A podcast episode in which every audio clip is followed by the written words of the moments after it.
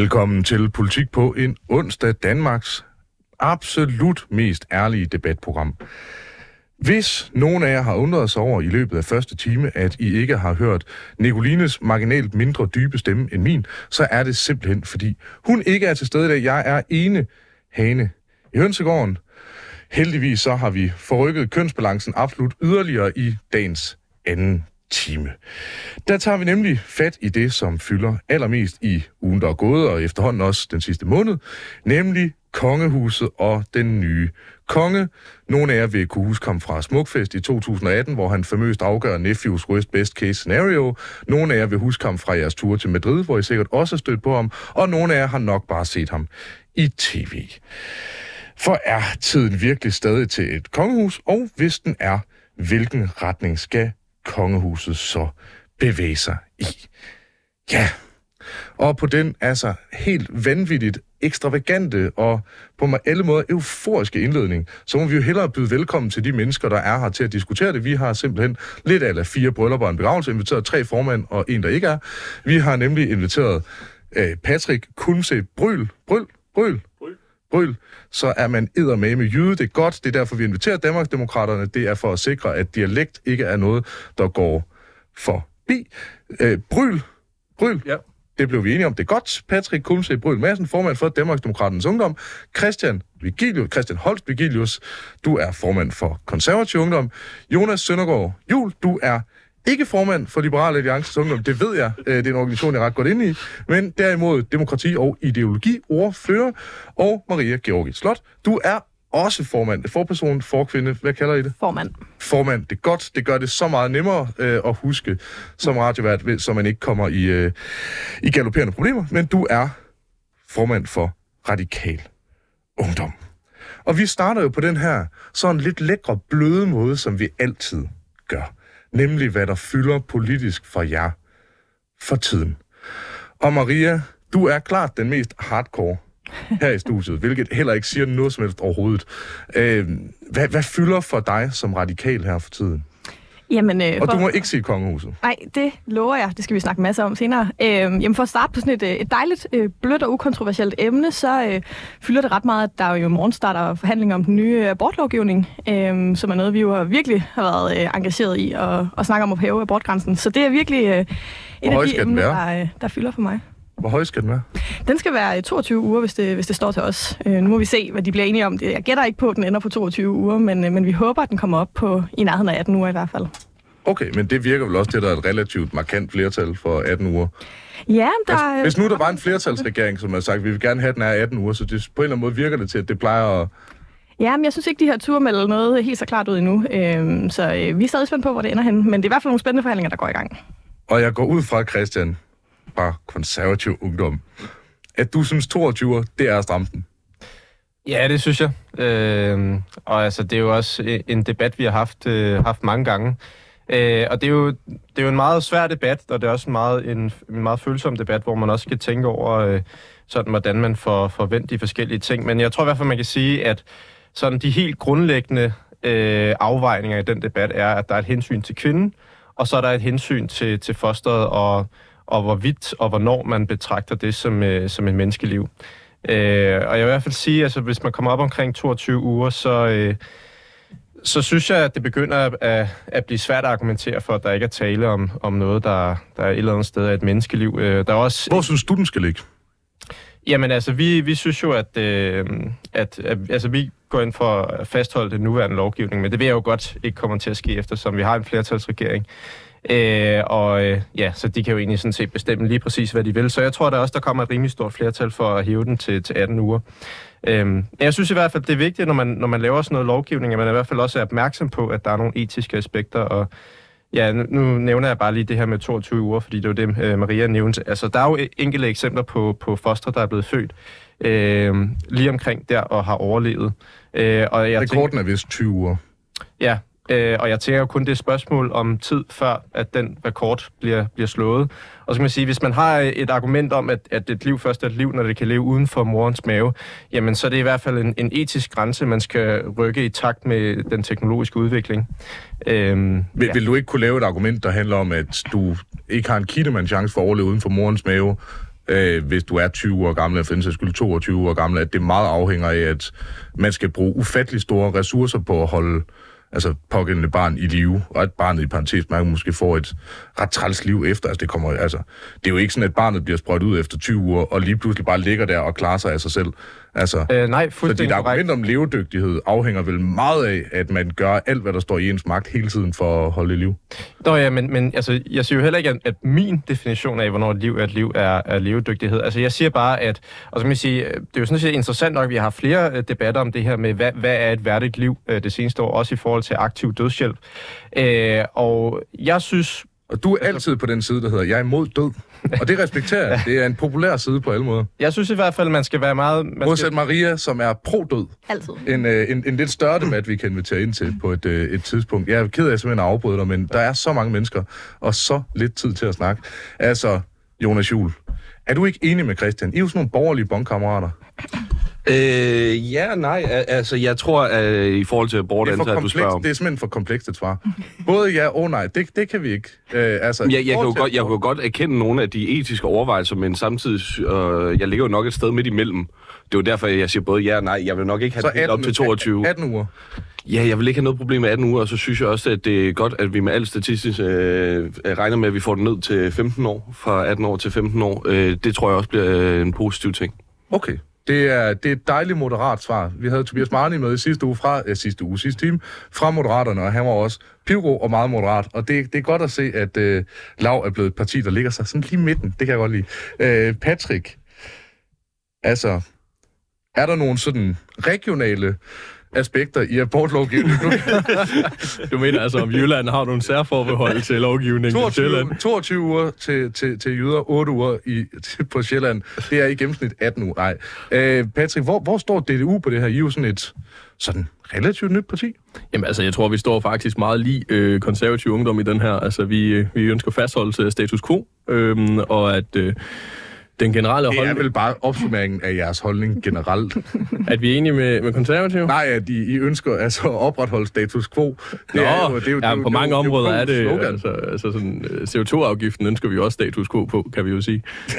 altså, der ønsker så vi ikke- ikke nogen. ikke noget af det. Ja, lige præcis. Altså, øh, og det var nok også det, jeg ville have snakket om, og ikke lige abortlovgivning i forhold til, hvad der Ja, rører sig det er mest. godt, at du har yderligere seks minutter. Du skal nok få ordet bag. Der skal jo bringe CO2-lovgivning. Men, men, øh, men i forhold til abortpolitikken, der er det jo et etisk spørgsmål, og der er, altså, sådan, jeg ved, hvad min holdning er, men den generelle holdning i DDU, det er, det er op til medlemmer selv. Okay, det er... Øh, I fritstiller alle jeres medlemmer, øh, uden at det skal være øh, ungdomspolitiske grupper, i det kommer du så meget til at fortryde. Øh, det, jeg er en nu. mega dårlig idé at fritstille alle medlemmer, fordi så har man rigtig dårlige holdninger. Jamen, altså, fordelen er jo, at når, når vi ved, hvor vores medlemmer kommer fra, og ikke er sådan nogle øh, VU-typer, så, eller Moskva- Åh, Moskva-typer. VU. Det er jo Så, også øh, kæmpe respekt for, simpelthen, at vælge er- en person, der ikke er her. Nej, nej, men altså, man kan jo stadig beef for sidste gang, Ja, var jeg har herinde det med, stadigvæk altså. fra sidste gang. Altså, men det er jo det, der er fordelen i, at folk de tilvælger os på grund af noget, og så har vi ikke de der woke-typer endnu. Og det, det, jeg ved, jeg håber, at Gud hjælper mig ikke, at vi får dem. Det findes øh, i Jylland, Patrick. Nej, men det- det gør det jo så desværre nogle steder, men altså, de er jo så ikke Danmarksdemokrater, kan vi ikke bare sige det sådan. Og her øh, bør det øh, lige nævnes øh, i Sofie Mosgaards ære, nu hvor hun øh, altså lever rent-free i, i Patricks hoved. Igen, Karl Korter kommer til at have den her time, for der kommer rigtig mange engelske udtryk. Øh, det er simpelthen på baggrund af, at Sofie Mosgaard øh, sidst Patrick og Sofie var i studiet sammen, øh, valgte at, at referere til øh, Danmarksdemokraterne som værende en del af fascisttrekanten. Det, som i Altså, dag øh, må tillades at kaldes fascistlinjen ja. efter nedlæggelsen. Jeg vil gerne lige tilføje, at det var ikke det, jeg sagde, det var det, hun kaldte mig. A- a- absolut, det havde Ja, også ja. været en, en tand for voldsom, hvis du havde sagt, jeg tilhører stolt fascisttrekant. Ja, og det vil jeg få sige, det, det gør jeg på ingen måde. noget, man vil Så nu er det kun fascistlinjen, du tilhører. eller? Jeg tilfører overhovedet ikke den form for linje, desværre. Altså, så vil jeg sige, så gør I næsten også med de rygter, der går på Christiansborg i øjeblikket. Ja, ja, Jonas, det er dig. Ja. Øh, nå. øh, Patrick, det lød som om, der også var noget, der havde fyldt fra dig i, i ugen, der var gået. Noget klimamæssigt. Jamen altså, der er, der er jo to ting, og den største, det er jo selvfølgelig CO2-afgiften, men jeg synes også, det er værd at nævne den øh, politiske maveplasker, der kom fra Nye Borgerliges fald. Øhm, og Den er også lidt overrasket over, at ikke har fyldt mere færre. Øhm, og, og den, Jeg er slet ikke... Du, du har kun spurgt én. Du har bare kørt os hen, og så bare taget abort hen over os andre. De har simpelthen vendt sig imod mig. øhm, og, Uventet drejning i, i jeg, jeg vil sige, at u- udover selvfølgelig, at vi har fået en ny konge, så er det jo nok en af de ting, der også har rørt sig mest. Det er, det er faldet af Nye Borgerlige, og hvor øh, de tre Jeg vil hellere høre dig om Folketinget- CO2-afgiften, så kan vi lige nå at høre en af de andre. om, Ja, øh, men det kan vi selvfølgelig godt. Altså, øh, CO2-afgiften, det er jo nok noget af det, der fylder mest, fordi nu, nu her kommer, øh, kommer der en, en, en opfordring til, hvordan den skal indføres, øh, og så bliver det jo spændende at se, om, øh, om vi ser et Venstre i fuldstændig retræte, fordi at de mister deres bagland endnu mere, eller om de rent faktisk øh, indfører den, og hvilken konsekvens det så får. Fordi det er jo noget af det, som der rører sig meget hos, hos de generelle... Øh, generelle folk, der bor i landdistrikterne, det er det her med altså uvidsheden om, hvad en CO2-afgift kommer til at medføre, og hvad, hvilken konkurrenceforvridning det kommer til at medføre. Når du dansk siger uvidsheden, de ved vel ret præcist, hvad det kommer til at medføre. Nå, men altså, du ved jo ikke, om det er dit landbrug, der specifikt bliver ramt eller ej. Altså, er Det er jo det fede ved en CO2-afgift, det er, at alle bliver ramt. Ja, det, der er forskel på, om du har et øh, kvælandbrug eller et svinelandbrug. Der kommer til at være forskellige nuancer på, hvor, hvor høj den bliver og hvor lav den bliver. Ja, men det, det- det, er vel ikke så meget med CO2-afgiften at gøre. Det er, jo, det er jo på baggrund af, hvor meget CO2 der bliver Ja, lige præcis. Og du Det ved, har man vel en idé om i forvejen. Ja, lidt. Det er jo ikke men, men det ved du jo ikke nu. Det, kom, det kommer jo an på, det kommer jo an på hvad, hvad, hvad de kommer ud og anbefaler, hvor hårdt den skal ramme, og hvordan den skal implementeres.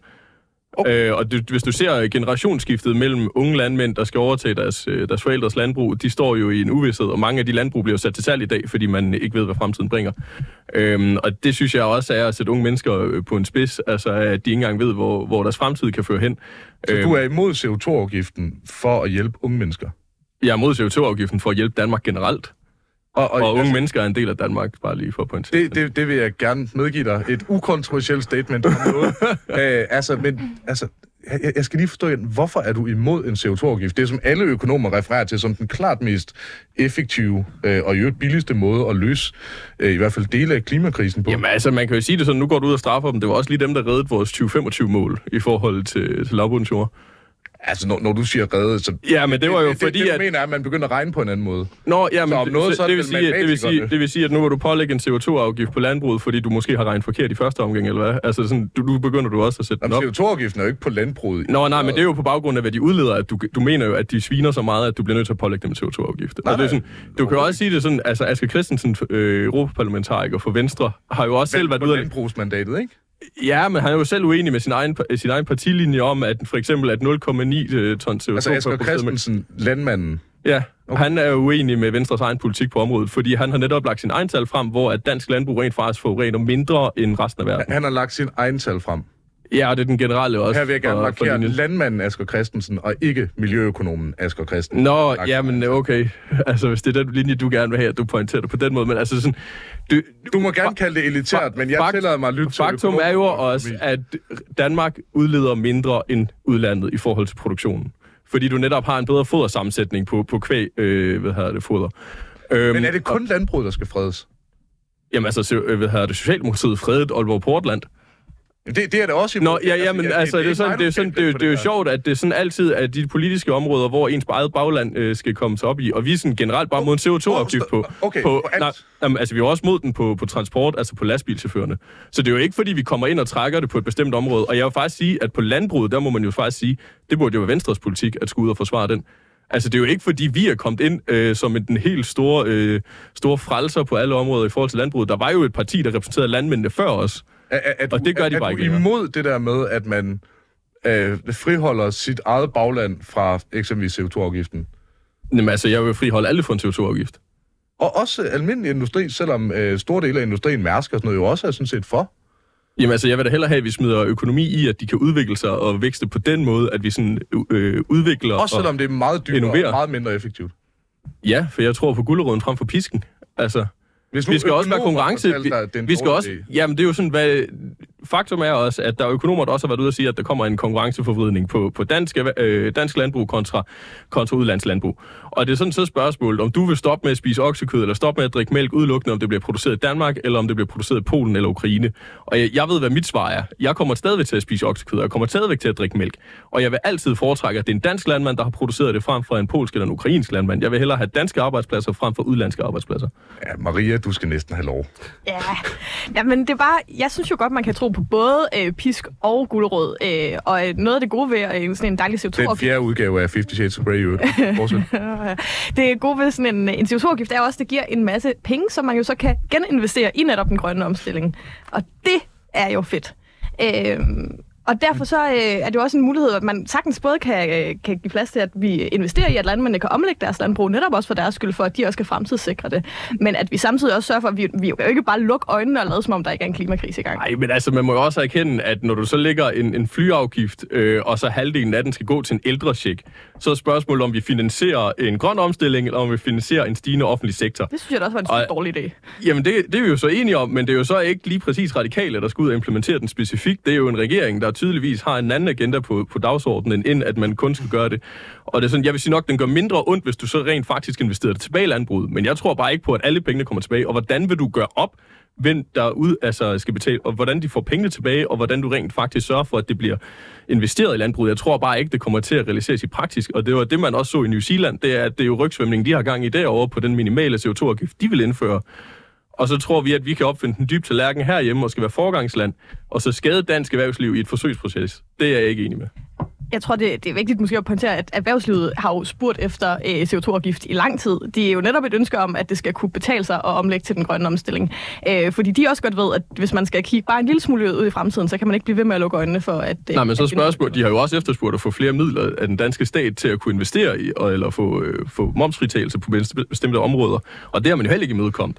Altså, og det er jo også det, du ser i Tyskland og Er det, Frank- er det, er det unfair, at folk ikke bare kan få momsfritagelse, hvis de beder om Nej, men det er jo generelt, altså, altså alle danske virksomheder, der ønsker et grønt alternativ frem for et, et sort alternativ, burde der have en eller anden form for pulje, de kan søge bedre i og at den ikke skal være så øh, mikroskopisk, at man næsten ikke når det. Altså, øh, luftvarmepumperne er et genialt eksempel på det. Nu er der godt nok ikke så mange, der søger puljen i år, men det er jo nok af gode grunde, fordi at strømmen er dyrere end, end selve at fyre med olie. Altså, hvorfor så ikke bare gøre det grønne alternativ billigere? Hvorfor skal du gøre alting dyrere for at få frem noget? Altså, det er, sådan, det er meget en socialistisk tankegang om, at afgifter skal være løsning på ting. Og det er også derfor, jeg sådan, synes, det er sjovt, at når man så taler med, med folk fra LA Ungdom, det er, at, at så er det lige pludselig for en CO2-afgift. Altså sådan, Selvfølgelig. Jamen, altså, det er sådan, imod alle andre former for skatter og afgifter, og så lige pludselig så har I simpelthen fundet ud af, at den eneste afgift i hele Danmark og i hele kapitalismen, der simpelthen er den fedeste ting i verden. Det vil sige, jeg tror ikke på, at der er andre, altså markedskræfterne selv kan bære, også hjælpe og udvikle øh, virksomheder og dansk landbrug, uden at det skal pålægges en CO2-afgift. Hvorfor kan guldråden ikke virke? Jonas, det får du lov vi har aldrig forsøgt guldråden ordentligt. Altså, det har altid været en halv løsning. En halv Øh, øh, Inden du svarer, jeg skal bare lige høre, bare for at kvalificere debatten. Når du siger forsøg guldråden, hvad, hvad er det for en guldråd, du gerne vil have? Det er, at man investerer tilbage, altså øh, for det første, at man Vi- vi- investerer, investerer det i innovation og udvikling. investering tilbage. Altså, investerer i udvikling og innovation. Altså, hvorfor står du og hakker, hvorfor skal vi øh, pålægge øh, dansk landbrug en CO2-afgift, når du ikke investerer mere i, at, at deres fodersammensætning for eksempel er mere bæredygtigt, og at de så udleder mindre? Fordi det er jo det, landbruget selv har båret initiativ på, det er netop den her udvikling. Og det har man så ikke investeret særlig mange penge i tilbage igen. Hvorfor er det ikke det, vi fokuserer på? Altså, hvorfor fokuserer vi ikke på at udvikle, i stedet for at afvikle? Ja. Jonas Juhl, hvorfor vil du gerne afvikle? Øh, Det vil jeg bestemt heller ikke. Øh, Jeg vil gerne øh, sørge for, at vi reducerer så lidt CO2 som overhovedet muligt, når du siger, at det, Og den eneste du skat får, og får afgift, vi lige fem nogensinde går ind til at ændre den formulering der. Jeg er ikke sikker på, at du gerne vil have på bånd. Jeg vil gerne have, at vi reducerer så lidt CO2 som overhovedet muligt. Så meget CO2 som muligt, beklager. Øh, tak, bror. Øh, men det, er jo- det er jo ikke sandt, at det er den eneste hvad hedder det, afgift, vi, vi rent faktisk vil sænke. Vi vil jo gerne sænke, hvad hedder det, hæve skatterne for alt det, der er dårligt for samfundet. Det er jo en meget liberal skat. Det er jo, det er jo ikke fordi, at liberale principielt er imod skat. Det er vi jo ikke. Vi er jo imod øh, skat på alle de ting, der er gode for samfundet. For eksempel arbejde. Det mener vi er en positiv ting for samfundet. Derfor gider vi ikke have så meget skat på det. Og modsat, så synes vi, CO2 ikke er særlig godt for landet. Derfor vil vi gerne have mindre af det. Okay, det vil sige, at det faktum er, at man kan bo og bosætte sig og arbejde de steder i Danmark, hvor man har lyst til. Altså, hvis du pålægger en CO2-afgift... Ja, det er befordringsfradraget, vi snakker om. Nej, nej, det er generelt bare, at der er op til 30.000 arbejdspladser, der bliver flyttet fra landdistrikterne ind til storbyerne, hvis du pålægger en CO2-afgift på landbruget, fordi alt følgevævet bliver skadet af det her. Det er jo ikke liberal tænkning af, at du sådan tvinger folk til at skulle bosætte sig udelukkende fra, hvor at de kan få et arbejde. Altså, det fungerer jo fint nu. Hvorfor Det, kan det, vi så er ikke udvikle utroligt liberalt at mene, at hvis du forurener andre menneskers hverdag ved at udslippe en masse CO2, så skal det du gør de- betale det- konsekvensen det gør de jo ikke sammenlignet med udlandet. CO2, det forurener ikke Nej, folks nej. liv. Jo, jo, det er jeg enig med dig. Nå. Det er jeg enig med dig. Men jeg er ikke enig i, at det er dansk landbrug, der er, er synderen i det her tilfælde. Jeg har heller ikke er sagt, at det var landbrug. Jeg har sagt Hvem- CO2. hvem- er så synderen? Du, er du vil jo pålægge en CO2-afgift generelt. Ja, det, selvfølgelig. netop på landbruget, og jeg gik til angreb på landbruget, og så du så forholder dig til det Jeg, jeg, generelle. for, det, jamen, jeg forholder mig til det, det er også fair nok, det er fair nok, men hvorfor er det så ikke i det EU-perspektiv, vi kæmper for det her? Hvorfor skal det pålægges udelukkende i Danmark? Hvorfor skal det være en skævvridning for dansk erhvervsliv og ikke et europæisk marked? Hører du, hører du nogen argumentere imod, at man kan gøre det her på europæisk plan? Det gør, jeg, det gør du jo, fordi du vil pålægge den i Danmark først. Altså, du vil være for... Ja, jo jo. Jo, altså, du vil, for, du vil lægge den i Danmark. Du snakker ikke... Jeg har ikke hørt, at Liberal Alliance sagde, vi går ikke ind for, at det er Danmark alene, der skal pålægge den her CO2-afgift. Jeg har hørt, altså, at det, vi skal have den i Danmark, og så vil de kæmpe for det fælles plan på EU-plan bag. Er bag Danmarksdemokraterne for en CO2-afgift, hvis den bliver vedtaget på europæisk plan? det er vi jo ikke selv herover. Men altså, det, det kommer jo også an på... Og hvilket- I er her over jeres egen politik. Nu spørger jeg i det her konkrete scenarie. Det kommer vel an på, hvordan den falder. Altså, hvis det ikke... ko- hvis det, i CO2 en Nej, nej, nej, nej. Alt Altså, det, hvis du, hvis du altså, for, styrker øh, det europæiske marked, sådan så at det ikke er danske landmænd, der specifikt bliver skadet på det, men at man rent faktisk sørger for, at det udvikler europæisk landbrug, så er jeg for. Men jeg er ikke imod, hvis det skal være betydning af, at du så lige pludselig, at, at ud, øh, import fra udlandet, altså udenom EU's grænser, er billigere øh, at få importeret ind i EU. Okay, men så lad mig forholde dig til et konkret scenarie. Du har en CO2-afgift på, lad os sige, 1200 kroner per ton, et eller andet, ikke? Og tilsvarende så sørger man for at have en 12, en CO2-12, om man vil, som gør, at der er nøjagtig samme udlændingsbeskatning på alt fra landbruget. Er du så for? Jamen altså, det er jo lidt et hypotetisk spørgsmål, fordi... Altså, Det er et hypotetisk spørgsmål. Jamen, det er EU også på kan- mange EU EU kan ikke gå ind og blande- Jamen, EU også, men vi skal stadig lave en halv time EU. EU kan ikke gå ind og pålægge øh, bestemte skatter i enkelte medlemslande.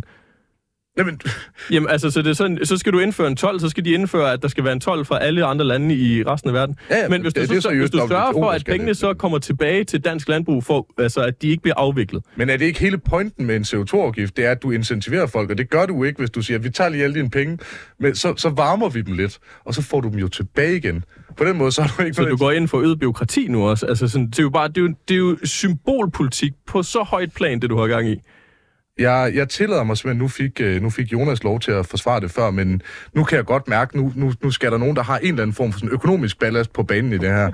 øh, som, som jeg måske er den eneste i det her panel, som jeg åbenbart også er blevet en del af nu, fordi jeg føler mig kaldet til at svare.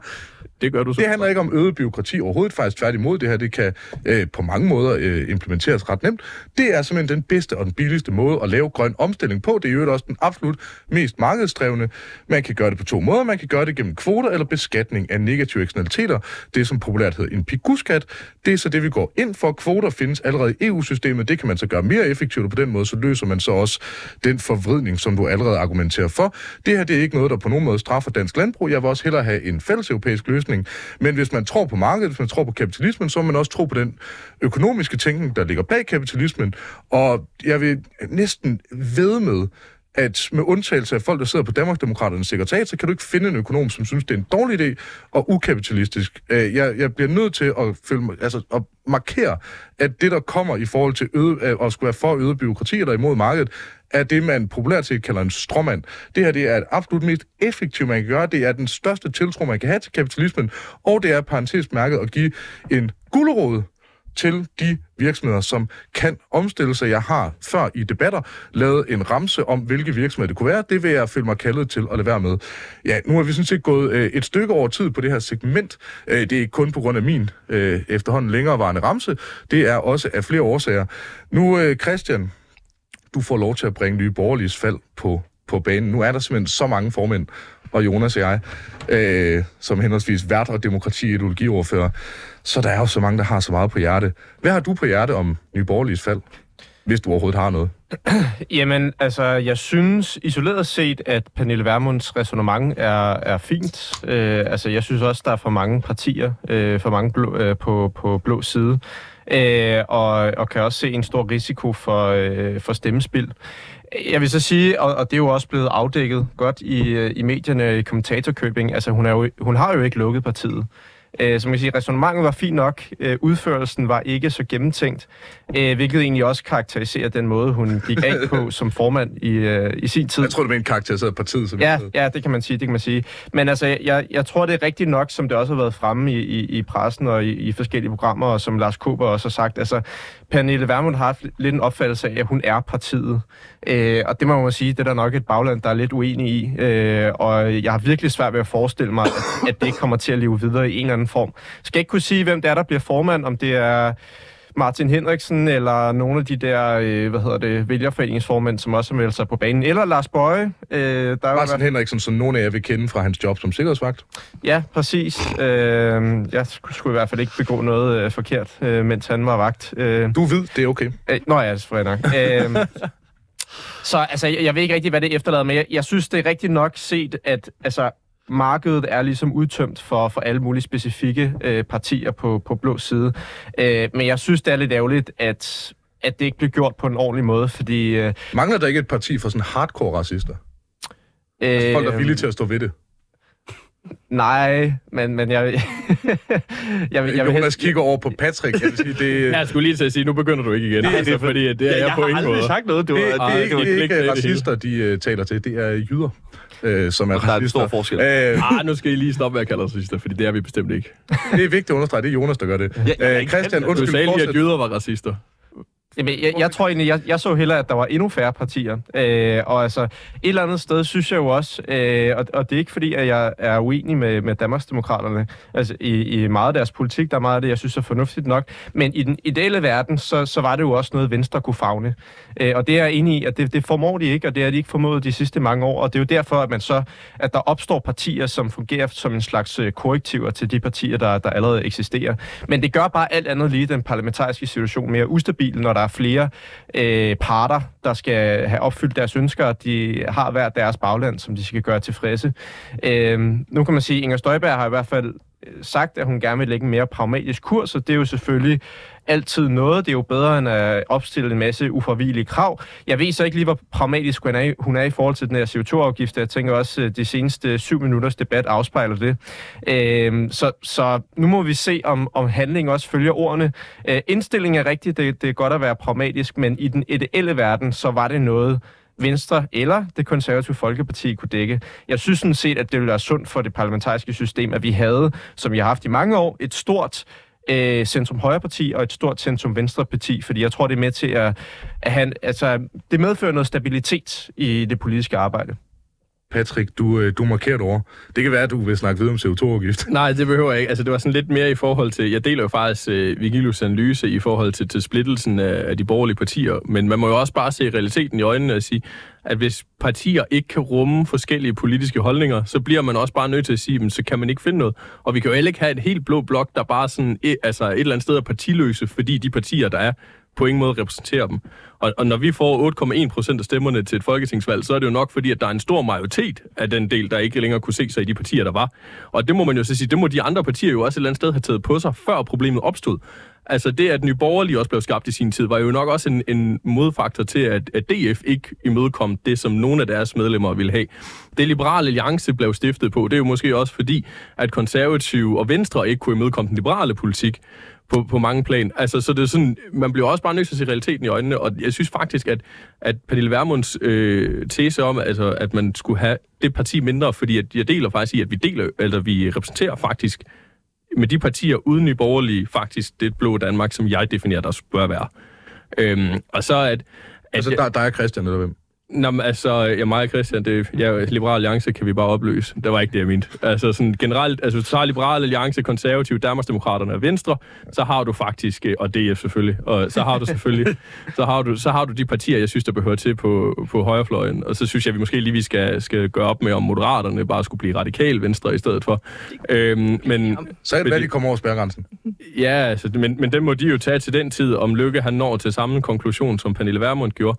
Øh, jeg vil så bare sige, at der har også været en, at, at når man har øh, negligeret øh, landvælgerne i, i yder, øh, landdistrikterne så lang tid, som man har gjort, så er det også på tide, at der kom et parti, der rent faktisk repræsenterede dem specifikt. Og Venstre har bare på ingen måde kunne formode at gøre det, fordi altså, det her det var et problem, dengang Lykke var formand for Venstre. Altså, det er jo ikke et nyt problem i dansk politik. Konservative har på ingen måde nogensinde grebet bolden i forhold til landdistrikterne. De har ramt de store byer, Jylland også, ja, men de har aldrig ramt landdistrikterne. Så har der kun været Så for Venstre. at det- opsummere, så mener du, at Jylland er blevet overset i den politiske debat? Jeg mener også, at det øvrige Sjælland er blevet overset. Jeg synes også, at alt, Bornholm alt, der blevet ikke er overset. København. Og En ge- generelt storbyspolitik. Altså, det er sådan, man har prøvet at imødekomme... jeg er at man, så glad for, som oceaner, du kalder os en storby. Jamen, altså, man har jo prøvet at imødekomme storbyerne så meget, fordi at man har både skulle repræsentere øh, flere forskellige målgrupper af sin, egen, af sin egen vælgerbase, af at man har tabt fokuset fra, at man rent faktisk også behøvede at repræsentere andre. Og det er jo der, de der ekstra partier kommer ind, i blæ, øh, ind, ind og rent faktisk får taletid. Det er jo fordi, at lige pludselig så er der nogen, vi behøver ikke at skal repræsentere alle i hele Danmark. Og med de ord, så øh, må vi jo også øh, springe videre til kongehuset på et tidspunkt, hvor det simpelthen går op for mig, at jeg det simpelthen burde have fundet et andet emne, nemlig Nye Borgerlige. Men det kan vi diskutere om to uger, når jeg er tilbage igen, og det kan vi godt glæde. Det, der kan ingen af jer så, fordi familie er ude til skolevalg, og det kan jeg sådan set heller ikke. Men nu er det her ikke kalenderplanlægning, det er sådan set bare en rigtig stille og rolig snak. Nu skal vi snakke kongehus.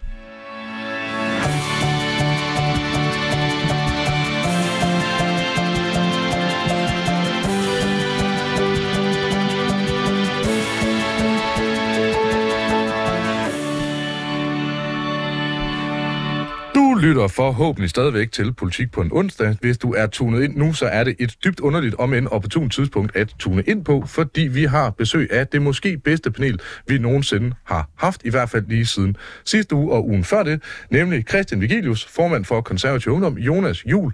Du er demokrati- og ideologiordfører i Danmarks, Danmarks bedste ungdomsparti, Liberal Alliances Ungdom, Maria Georgi Slot, du er landsformand i et andet ungdomsparti, nemlig Radikal Ungdom, og Patrick Kumse Bryl Madsen, du er fra Jylland og formand for Danmarksdemokraternes Ungdom.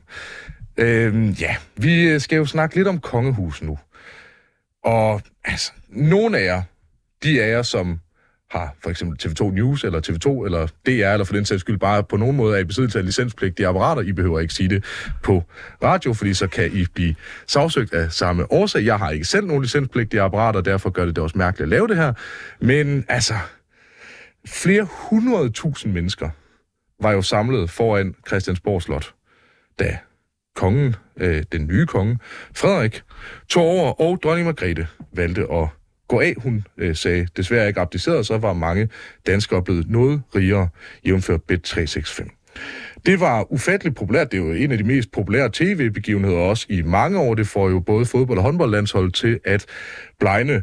Og den moddemonstration, der var, er dækket af Euroman som værende tre mennesker, som har varierende succes, men jeg kan absolut anbefale at læse den i parentes mærke ualmindelig velskrevne artikel.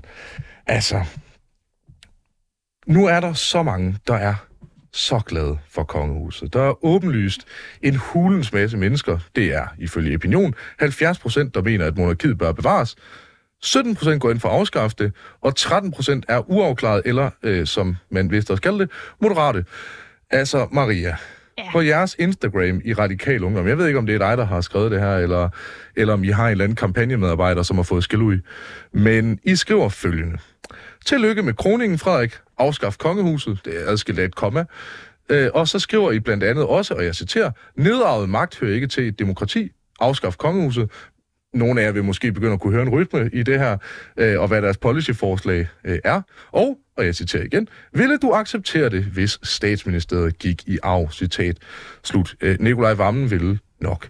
øh, kan du sætte nogle flere ord på, hvorfor I i Radikal Ungdom er så uenig med resten af den danske befolkning, en, en fuldstændig ny position Mm. for, for radikale at være i, øh, at det er, en, altså, de synes jo, det er en fed idé at have et kongehus. Ja. Hvorfor er I så hardcore imod det? Hader I bare god stemning, eller? Nej, men øh, når, vi, når vi nu kører kampagne på det i øjeblikket, så er det jo fordi, at øh, det er jo et oplagt tidspunkt, når nu der er så meget fokus på kongehuset, og så tale Ja, det er godt om tænkt, os, det er godt tænkt. imod det. Øh, nej, men jeg tror bare, selvom at der er et stort flertal, der er for, betyder det jo ikke, at man ikke skal holde øh, den demokratiske debat i gang, øh, og også repræsentere den øh, del af befolkningen, som er imod det. Hvorfor passer det ikke ind i et demokrati? Det er fordi, jeg synes hele princippet om, at man stadigvæk har øh, vores officielle statsoverhoved, som ikke vælges af folket, men som øh, nedarves fra øh, mor til søn i det her tilfælde, til, det er øh, altså grundlæggende udemokratisk, og at der er mennesker, der fødes med andre privilegier og hævet over loven end resten af borgerne i vores land. Det, det bryder jeg mig ikke om. Og det, det, er, sådan, altså, det er simpelthen, fordi det er udemokratisk. Ja. Christian Vigilius, kongehus ekspert ja. Og formand for konservativ ungdom, Danmarks Royale Ungdomsparti. Det er ikke, det, det er ikke en titel, jeg har, det er bare mig, der simpelthen Det er okay, det er okay. Jeg tager det ikke sådan her. Kongelig hofleverandør af ungdomspolitikere. Øh, altså, er du, er du enig i det her? Synes du, at kongehus er grundlæggende udemokratisk? Jeg kan godt gætte på din Øh, holdning, men det er sjovt at høre dig sige den. Nå, men altså, jeg, jeg, nej, men altså, jeg synes, øh, man skal være helt ærlig at sige, altså, der er øh, elementer ved den måde, kongehuset er bygget op på, som ikke, øh, ikke afspejler sådan til den liberale øh, lighedstankegang. Øh, så, så det vil jeg ikke bestride øh, nødvendigvis. Nu kan man sige, altså der er jo 70 procent af danskerne, der bakker op om det. Øh, så man kan sige, der er rimelig stort flertal for at, at bevare det, og jeg er da også helt sikker på, at hvis der var et stort flertal imod det, jamen så vil vi også miste det, så vil det også blive afskaffet. Altså fordi sådan som øh, monarkiet fungerer i dag, så, så lever det på demokratiets nåde. Øh, de facto har det ikke nogen betydning for, hvordan vores demokratiske system fungerer. Altså det er ikke sådan, at de går ind og blander sig i politik, eller ændrer nogle af de love, som politikerne øh, beslutter sig for. Og hvis de gjorde det, jamen så tror jeg også, at vi vil se et, et fald i opbakningen. Øh, så det har jo en symbolsk rolle, og jeg synes, de udfylder den rolle rigtig godt.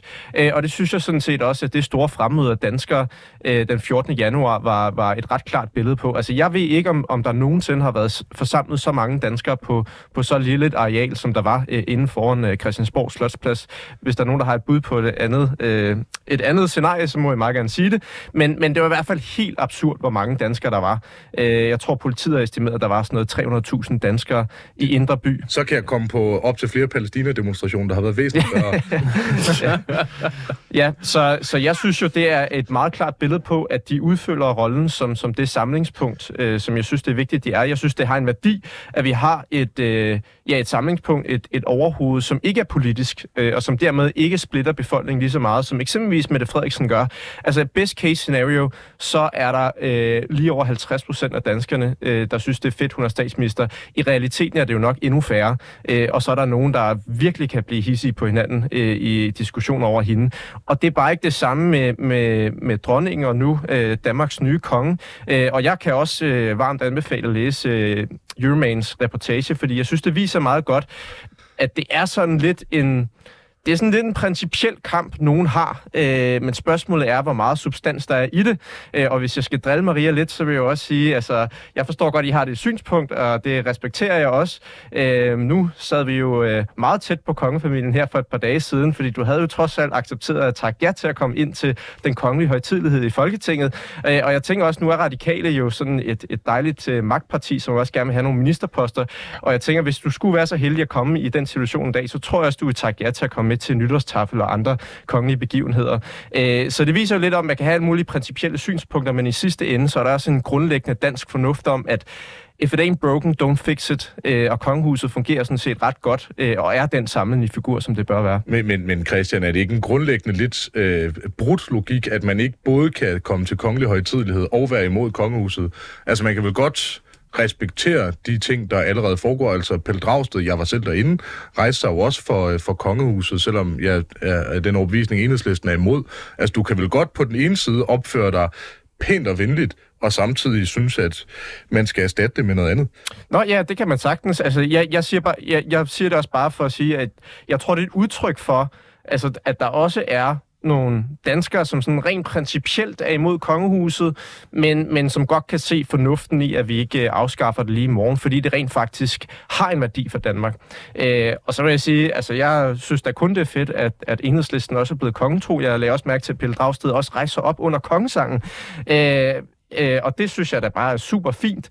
Jeg kan godt forstå, hvis der sidder nogle øh, lidt øh, utilfredse enhedslisten-vælgere derude, som er imod alle former for magtstrukturer og sociale hierarkier, øh, som måske synes, det er lige kongelojalt nok. Men altså herfra skal der kun lyde øh, anerkendelse for det. Og øh, lidt overraskende anerkendelse til øh, Pelle Dragsted fra formanden for konservativ ungdom, Christian Vigilius. Det er et judaskys, hedder det i officielle termer. Og derudover, altså, når, når, når du bruger den artikel Euroman har skrevet, det giver vel ret god mening, at de folk, der dukker op til en fejring af kongen, af folk, der er pro-kongehuset. Det er vel ikke som sådan et argument for, at, altså, øh, at den her demo skulle være øh, dårlig, eller for den sags skyld, at altså, det kan jo også være folk, der er dårlige til at koordinere. Altså det, det at der er så relativt få, der dukker op til den her demonstration, og rigtig mange kongetråd, der dukker op, det er vel forventeligt. Altså, der er vel også primært folk, der går rigtig meget op i fodbold, der dukker op, når, altså, når fodboldlandshold vinder. Det gør de ikke så ofte. Og det er også primært folk, der har fulgt med i Tour de France, der dukker op, når Jonas Vingegaard gør, der også, altså, vinder Tour de France. Altså, er, er, er det ikke grundlæggende fejlslagende argument at sige, at øh, vi kan se, det at der er relativt få, der er imod kongehuset, der kommer til en fejring af den nye konge, gør, at grundlæggende så synes, altså, så er det fejlslagende at være imod? Nej, men jeg synes bare, nej, nej og det var, det var sådan set heller ikke det, der var point med, at jeg sagde det. Men jeg synes, det giver et meget godt billede af, altså nu hvor vi har det her tronskifte, og vi så begynder at debattere kongehuset, så bliver det nogle gange udlagt i medierne som om, at altså, der er cirka lige mange, der er for og imod kongehuset, i hvert fald i forhold til taletid, og jeg kan godt forstå, hvis man er republikaner, man udnytter muligheden. Øh, og og der, der synes jeg, at øh, der synes jeg måske, det giver mening at læse den der artikel, og så sige, altså det er faktisk et forholdsvis marginaliseret synspunkt. Øh, fordi det er jo også noget af det, der kan være med til at rykke sådan folkestemning, hvis der er, man får et indtryk af, det her det er rimelig 50-50. Okay, så du, du synes, at i scenarier, hvor det er 70 procent, der er for noget, så skal de her 70 procent taletiden, eller noget, der minder om? Nej, nej, men altså, det er jo godt at være Bliver det ikke svært at være konservativ folkeparti i øh, et mediebillede, hvor man skal have det afspejlet af, hvor enige folk er med? Jamen, øh, nu glemmer du, at 90 procent af befolkningen er konservative. De ved det bare ikke endnu. Øh, nej, altså, og jeg har da også sagt, nu har jeg også været med i flere debatter om, øh, omkring kongehuset, og jeg siger jo også, at hvis der var et flertal imod kongehuset, så er det ikke sådan, at jeg vil ændre min holdning øh, til det. Jeg vil selvfølgelig synes, at det underminerer et af argumenterne om, at det er et samlingspunkt, og det er, anerkender jeg også er helt ærlig omkring. Men jeg synes jo, at kongehuset har en værdi i sig selv, fordi det er med til at videreføre vores kultur og tradition og kulturarv. Jonas Juhl, du markerer. Ja. Du er rasende. Øh, nej, det er jeg egentlig ikke. Øh, men det handler jo... På en lidt mild måde, så. Ja, jeg, jeg er slet ikke særlig vred. Man kan jo godt være uenig med noget, og så ikke være vred. Øh, ikke i politik på en ond... Nej, fortsæt. øh, men, men det er altså...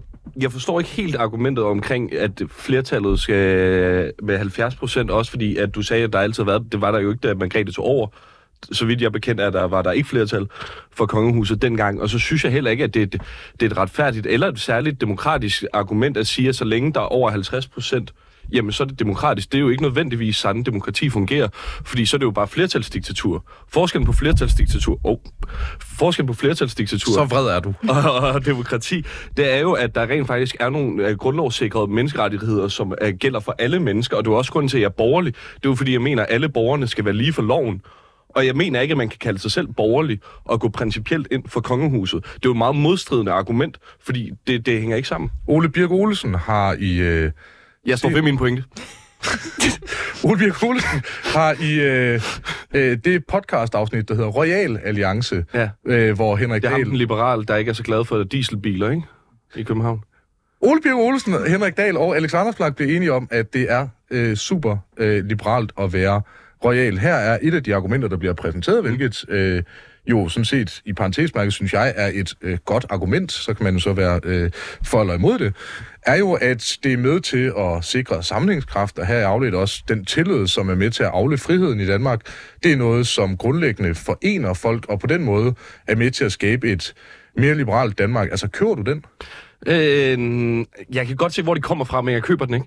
Øh, jeg, jeg, al- altså, og jeg Hvor kan tager Ole Birk fejl? Altså, det er ikke det, programmet hedder, det er bare... Åh. Øh, hvor tager Ole Birk Øh. fejl med sit argument? fordi at han anerkender, at kulturen øh, skal, øh, sammenhængskraften skal ligge over generelle retsstatsprincipper om, at alle skal være lige for loven. Og, og det, det, det, altså, du kan jo godt anerkende det, samtidig med, at jeg mener jo også, at kongehuset har en sammenhængskraft. Selvfølgelig mener jeg det. Men, men, men, men at jeg vægter det højere end altså, retsstatsprincipper om, at alle skal være lige for loven. Nej, det gør jeg ikke. Og det ved jeg godt er meget upopulært at sige, men lige så vel som Vigilius nok står ved hans øh, statement og holdninger i upopulære tider for kongehuset, eller bare tider, når man er konservativ, det går ikke så godt med meningsmålingerne, men, øh, så, så står jeg også ved det nu, øh, og, og det, det bliver jeg ved med at gøre. Patrick, du står der. Er du vred? Ja, over øh, holdningen, der lige kom fra LA øh, Ungdom, øh, er jeg selvfølgelig lidt vred, fordi at jeg synes faktisk, at jeg synes netop, det er øh, demokratisk, at vi slipper for at skal have en, der er enhedslisten, der skal sidde som præsident af Danmark. Øhm, Det er demokratisk. ja, altså netop fordi, at du netop tager det Det politiske... er demokratisk at have du, du tager det politiske aspekt ud af, hvem der repræsenterer øh, Danmark i diplomatiske sammenhæng. Det synes jeg faktisk et eller andet sted er demokratisk. At du har et samlingspunkt, der ikke behøver at være politisk, Men gør Og der det deler jeg faktisk- tilfældigt? Altså tilfældighed er vel ikke demokratisk? det er, jo, det er jo ikke helt tilfældigt, fordi du kan jo, hvis vi virkelig får en, vi ikke bryder os om en dag, så kan, har vi jo øh, som borgere stadigvæk muligheden for at afsætte den person fra at være konge af Danmark eller dronning af Danmark. Så det er jo stadigvæk folket, der er over øh, kongehuset, fordi du netop har den demokratiske magt af at sige, at hvis vi ikke ønsker dem mere, så er det også sådan der. Og Det havde man også i Frankrig engang. Ja, men der var også nogle ting, og så kom Napoleon tilbage på magten, og det, så tog han jo så lige monarkiet tilbage en gang til. Så der kan man jo så sige, det fungerer jo ikke helt super meget i praktisk. Og så skal man jo også bare anerkende den kulturelle og økonomiske værdi, der er i det her kongehus. Et, et stærkt øh, monarkisk argument er selvfølgelig, at den franske revolution blev efterfulgt af en 15-20 år med det, man populært kalder for terrorregimet. Og en, enhver demokratisk omstyrtning, der bliver efterfulgt af et terrorregime, øh, kan, kan man diskutere... Og man kan også bruge Grækenland som skrækeksemplet efter, at de afskaffede Kan du på kongehuset. alt, Altså, så det er altså. sådan, ja, men, men det er jo så alene det, og så står uvidstheden også Hvad, om, hvad at har Grækenland nogensinde bidraget med? FETA, det er det. at de og har Maria Georgi, med, at vi har en dårlig økonomi i EU. Jeg, jeg, jeg tror, jeg vil måske mane lidt til ro og sige, at vores, vores demokrati er jo relativt i velfungerende. den her opstemte debat. Ja, øh, altså jeg, jeg er ikke så bange for, at vi vil, øh, vi vil rende, altså, ramme ud i øh, terrorregimer og andre øh, sindssyge ting, hvis vi skulle afskaffe kongehuset. Jeg er også med på, jeg tror ikke, vi får det afskaffet lige forløbig. Jeg kan da godt mærke, at stemningen er imod mig. Øhm, men Ja, hvis, jeg jeg har kun, din ryg. hvis jeg kun turde kæmpe for ting, der var 70 procent af befolkningen, der var enige i, så var jeg jo ikke blevet radikal. Øh, så jeg, altså, jeg tror, det, det handler jo egentlig også bare om, 90 procent af danskerne er jo faktisk radikale. jeg ved det bare ikke. De ved det bare ikke endnu. Og gud skal takke lov for det. Øhm, nej, men jeg tror, jeg tror godt, jeg vil vende tilbage til, man kan have rigtig mange gode argumenter om, at øh, kongehuset, det er samlende. Det er fodboldlandsholdet også, derfor skal Michael ikke være hævet over loven. Øh, man kan snakke om, at det er kultur, det er historie. Øh, jeg synes, kultur er fedt. Lad os investere nogle flere penge i kultur. Vi kunne have en masse penge putte i, øh, i vores kultur, hvis vi, øh, hvis vi ikke brugte så mange af dem på kongehuset. Og altså, øh, historie, der er jo, det kan jo nærmest ikke Så du, blive du vil spare på kongehuset og bruge pengene på kulturen? Altså, det er jo Men bare, er et- kongehuset ikke... Altså, det er jo bare et at- eksempel på, at... Øh, Men er der ikke meget, der tyder på, at, CO2-afgiften? at, at kongehuset er den kultur, folk allerhelst vil have? det, så synes jeg, at de skulle blive, altså, hvad kan man sige, blive spurgt om det. Øh, vi har jo aldrig fået lov til at vælge selv, om det er noget, vi synes, vi skal bruge penge på. Øh, men i Er du klar på at tage en folkeafstemning? Jamen, det kan, det kan vi godt gøre. Øh, for sådan princippets skyld, jeg er med på, at øh, det vil nok kræve et par, par års mere debat, før vi øh, kunne øh, gå ind i en, en folkeafstemning, som øh, jeg vil frem men jeg, vil, jeg synes, det vil være fint at tage en folkeafstemning. Der har Republik nu vist med al ønskelig tydelighed den store succes. Nå, vi kører Christian, Jonas og Patrick. Christian, du ser slet ikke hissig ud, og det er lidt overrasket over. Du står bare og ligner Rick Astley. Nej, men altså, når man har en vindersag, så behøver man jo ikke at hisse sig så meget op. Nej, et øh, nybrud i konservativ at have det. Øh, nej, altså jeg, jeg, jeg vil bare lige forholde mig til, til det, som Jonas sagde før, fordi jeg håber ikke, du hørte mig sige, at, at jeg mener, at kongehuset er en demokratisk institution. Altså jeg, jeg synes egentlig, jeg er meget ærlig omkring at sige, altså det, det er en anomali i et, i et demokratisk samfund. Øh, men jeg noterer mig bare, at der er 70 procent øh, opbakning, og at øh, kongehuset lever på demokratiets nåde, så altså hvis der var et tilpas stort nok flertal imod det, så ville det blive afskaffet. Og, øh, og det affinder jeg mig også med. Mm. Øh, fordi øh, jeg er også øh, demokrat, udover at være monarkist. Mm. Øh, og det kan man jo godt mene er to modstridende synspunkter, men øh, jeg er en meget kompleks person, så jeg kan godt overskue det. Jamen, det er jo... Det er jo Jonas Juhl, Danmarks måske simpleste menneske. er, er du uenig? Jamen, øh, jeg kan jo godt forstå, hvor du kommer fra, og vi, vi taler jo egentlig om, om øh, de, de, de to samme ting, om øh, demokrati og monarki, og om det er jo egentlig bare, hvad man vægter højt som menneske med værdi, øh, og samtidig med, at du jo også til dels anerkender lidt demokratiet, og det er jo glad for, at du gør. Øh, men altså, jeg synes grundlæggende, og det er jo ikke fordi, altså, jeg kunne også godt selv anerkende de kulturelle værdier bag kongehuset. Altså, jeg har selv aftjent min værnepligt ved Livguiden. Jeg var selv ind og se, øh, jeg kunne ikke rigtig nå at se kongen, fordi jeg stod ved Adelgade 26, og der kunne man ikke rigtig se så meget igen. Øh, og godt anerkendte. Men jeg kunne også godt lide at se drengene øh, fra Angora øh, og rutteriet på DR-TV, men derfor vil jeg jo heller ikke bevare DR. Jeg synes ikke, det er retfærdigt, at andre mennesker skal betale for, hvad jeg godt kan lide. Jeg synes, der er en grundlæggende forskel. Så kongehuset er simpelthen et økonomisk argument. Nej, på ingen måde. Jeg, jeg, jeg, Danmarks Radio og kongehuset. Nej, det, det var faktisk ikke for at komme med, med et økonomisk argument. Det var for at komme med et argument om øh, altså retfærdighed. Er du om, for et kongehus, hvis folk selv betaler for det?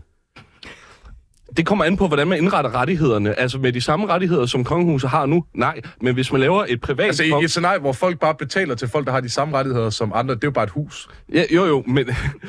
Ja, altså, hvis man altså, lavede det om, og den måde, at, at kongehuset var på samme rettigheder som os mennesker, og det var så bare dansk industri og dansk erhverv, der betalte for det 100%, det ville jeg synes være, være kein problem.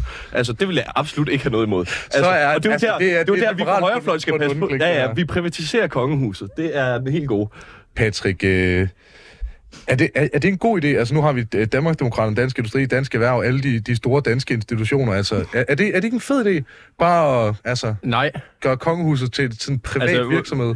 hvorfor, de skal jo ikke, det er jo ikke en virksomhed, men hvis du virkelig skulle gøre det op som en virksomhed, så er der jo flere eksperter, der har været ude at sige, at hvis man skulle gøre det op Jeg ved godt, hvad du gerne vil sige. brandingværdi- Der er op til flere eksperter, der har været ude at sige det modsatte. Generelt skal man ikke stole på statistik, men Nej, men, nå, okay, det er sjovt. Det, det skal man ikke gøre her, men ved CO2-afgiften, der skulle man stole på statistik. det vil sige, okay, så nu er vi selektive på, hvilken statistik vi skal lytte, og hvilke eksperter vi skal lytte til. Jamen, det er ikke statistik, det er alle... Ja, hvis Ja, du men kan det, finde se, to nu, nu økonomer, begynder du igen med din rygsvømning. Det er du altid super god til. men hvis... hvis men hvis jeg måtte svare, hvis jeg måtte svare på det andet, Ja, undskyld, fortsæt, Pat. hvis jeg måtte svare på i forhold til altså, den økonomiske aspekt i det, det er, at hvis man skulle tage brandingsværdien i kongehuset, så var det 15-20 milliarder, de årligt bringer ind til dansk erhvervsliv og dansk økonomi. Og så hørte vi Hvor har du Maria, den statistik fra så? øh, Jeg vil jeg lade være med at modsige din statistik og bare spørge på, hvad din kilde er. Øh, TV2 øh, generelt... Din kilde er TV2, den kendte økonomiske tænketank. Okay, fint nok. Jeg tror, jeg fik min Modtaget. Dansk. Industri og Dansk Erhverv har også været ude og kommentere på den positive øh, kun, altså, Men, men, ta- men tallet har du fra TV2, okay. Ja, det var, det, Øh. det var lige de der 15-20 milliarder, men hvis du så kigger bare generelt på det, så er det 121 milliarder, vi bruger, eller millioner, undskyld, øh, vi bruger på årligt på finansloven til kongehuset. Og uanset om det er 15 eller 1 milliard, Dan, øh, det danske kongehus bidrager til den danske økonomi, Hvad hvis det er 0 stadigvæk- milliarder? Men det er det, Lige nu men- citerer men- du men nu- TV2, der har 0 nu øh, kommer du med hypoteser igen. Faktum er, at det er en positiv ting, at det danske kongehus repræsenterer os diplomatisk sammenhæng i udlandet. Skal jeg, lige, jeg vil bare lige gerne lige høre, grunden til, at du går ind for kongehuset, Nej, er nej, det nej, grundlæggende nej, det, økonomi? nej, det var for at skyde på før, i forhold til, at hun vil, øh, Maria gerne vil have noget politi, altså et, øh, bruge pengene på kultur. Øh, altså det, man bruger på kongehuset på kultur, kulturelle forslag i stedet for. Og jeg vil gerne prøve at høre, hvilket forslag radikale ungdom og liberale alliances ungdom har til, hvilke kulturelle forslag man kan komme med, der kan indbringe samme mængde økonomi Hvor- til Hvornår har dansk jeg erhvervsliv. det? Jamen, det var bare også, om du havde nogle bud på det. Altså Okay. bare sådan, fordi det generelle i det, det er, at skal komme med kongehuset... ud på ting, der ikke er i Og, politik. og her, der, der vælger jeg simpelthen lige at tage værtsrollen tilbage. Det, det, det er jo som faktisk det privilegium, at jeg også kan slukke folks mikrofoner. Øh, Maria, så vil jeg stille dig spørgsmålet. I et scenarie, hvor man ikke kan konsekvent dokumentere, hvorvidt der er nogen økonomisk værdi af kongehus. Der er folk, der siger en ting, der er folk, der siger en anden ting, og det er jo et relativt ligeværdigt. Det er ikke ligesom klimaforandring eller CO2-afgift, men faktisk noget, hvor der er øh, en form for, for skepsis, og at der ikke i hvert fald nogen Nobelprisvindende økonomer, og i øvrigt dem alle sammen, der er ude og argumentere for, at kun én ting er en fed idé. Altså, lad os så antage, at TV2 med deres mange ansatte økonomer, og TV2 som er jo en kendt tænketank, øh, lad, lad os sige, at de har ret. Altså, man får 15-20 milliarder, som man jo kan bruge på psykiatrien og øh, det, det, det, Vega, eller hvad, hvad I nu gerne vil bruge det på. Er det ikke grundlæggende en god idé? Jeg tror I, igen vil sige, det økonomiske argument for mig vejer meget, meget lidt her, hvad enten det er i, altså, til min fordel eller, eller imod mig. Øh, så synes jeg, at igen det her det handler om sådan grundlæggende principielle øh, til, altså, holdninger til, hvordan vi indretter vores øh, samfund og vores øh, demokrati. Så, øh, så sådan, øh, om du har ret i, at øh, vi tjener penge på det, øh, eller om det, det koster os lidt, det, det betyder ikke helt vildt meget for mig. Jeg tror nu også, at folk skal nok komme og se på Amalienborg alligevel, øh, selvom der ikke bor nogen derinde. Øh, jeg, jeg tror, jeg tror i grunden, det er ikke det, er ikke det, det handler om. Det Her handler kan om, at- Jonas' nye private kongehus jo eventuelt. Jamen, det, jamen, altså, vi har, hvis der skal være, har lyst Der at kommer nogen stadig folk fra Asien og tager billeder af livgarden. Eller som Patrick vil lægge op til, hele dansk landbrug kan bruge derinde. Mm. Øh, Hvis dansk jyder kan øh, bruge det på danscenter. De må gerne tage, sætte nogle folk i, i pæne kjoler og tage dem med på deres forretningsrejser, hvis det er det, de vil. Øh, jeg tror egentlig, for mig handler det også om, at når vi går ud som øh, land og sender delegationer ud i verden, der skal repræsentere os, mm. så synes jeg også, det et spørgsmål om, hvad er det så for et ideal, vi gerne vil, vil fremvise. Og der synes jeg ikke, at øh, vores ideal skal være en familie, som har nedarvet magt og privilegier, og som ikke er blevet valgt til, øh, til deres stilling. Og med de ord, så øh, får så er der faktisk ikke flere end mig, der får ordet. Det var nemlig dagens politik på en onsdag, hvor vi har været vidt omkring og nye borgerlige og CO2-afgift. Jeg er blevet anklaget for, øh, for rygsvømningen. Og, øh, og på den måde, så øh, vil jeg bare slutte programmet af med et venligt råd. Lad være med at lytte til hverken mig eller Patrick. Lav jeres egen research. Se, hvem der har ret. Prøv at bruge Google, og så tjek, hvad rigtige økonomer eventuelt mener. Og så må vi jo finde ud af, altså, begge dele kan jo ikke være rigtige. Og der kan man jo så vælge, om man vil lytte til mig eller til Patrick. Tusind tak for en dejlig episode.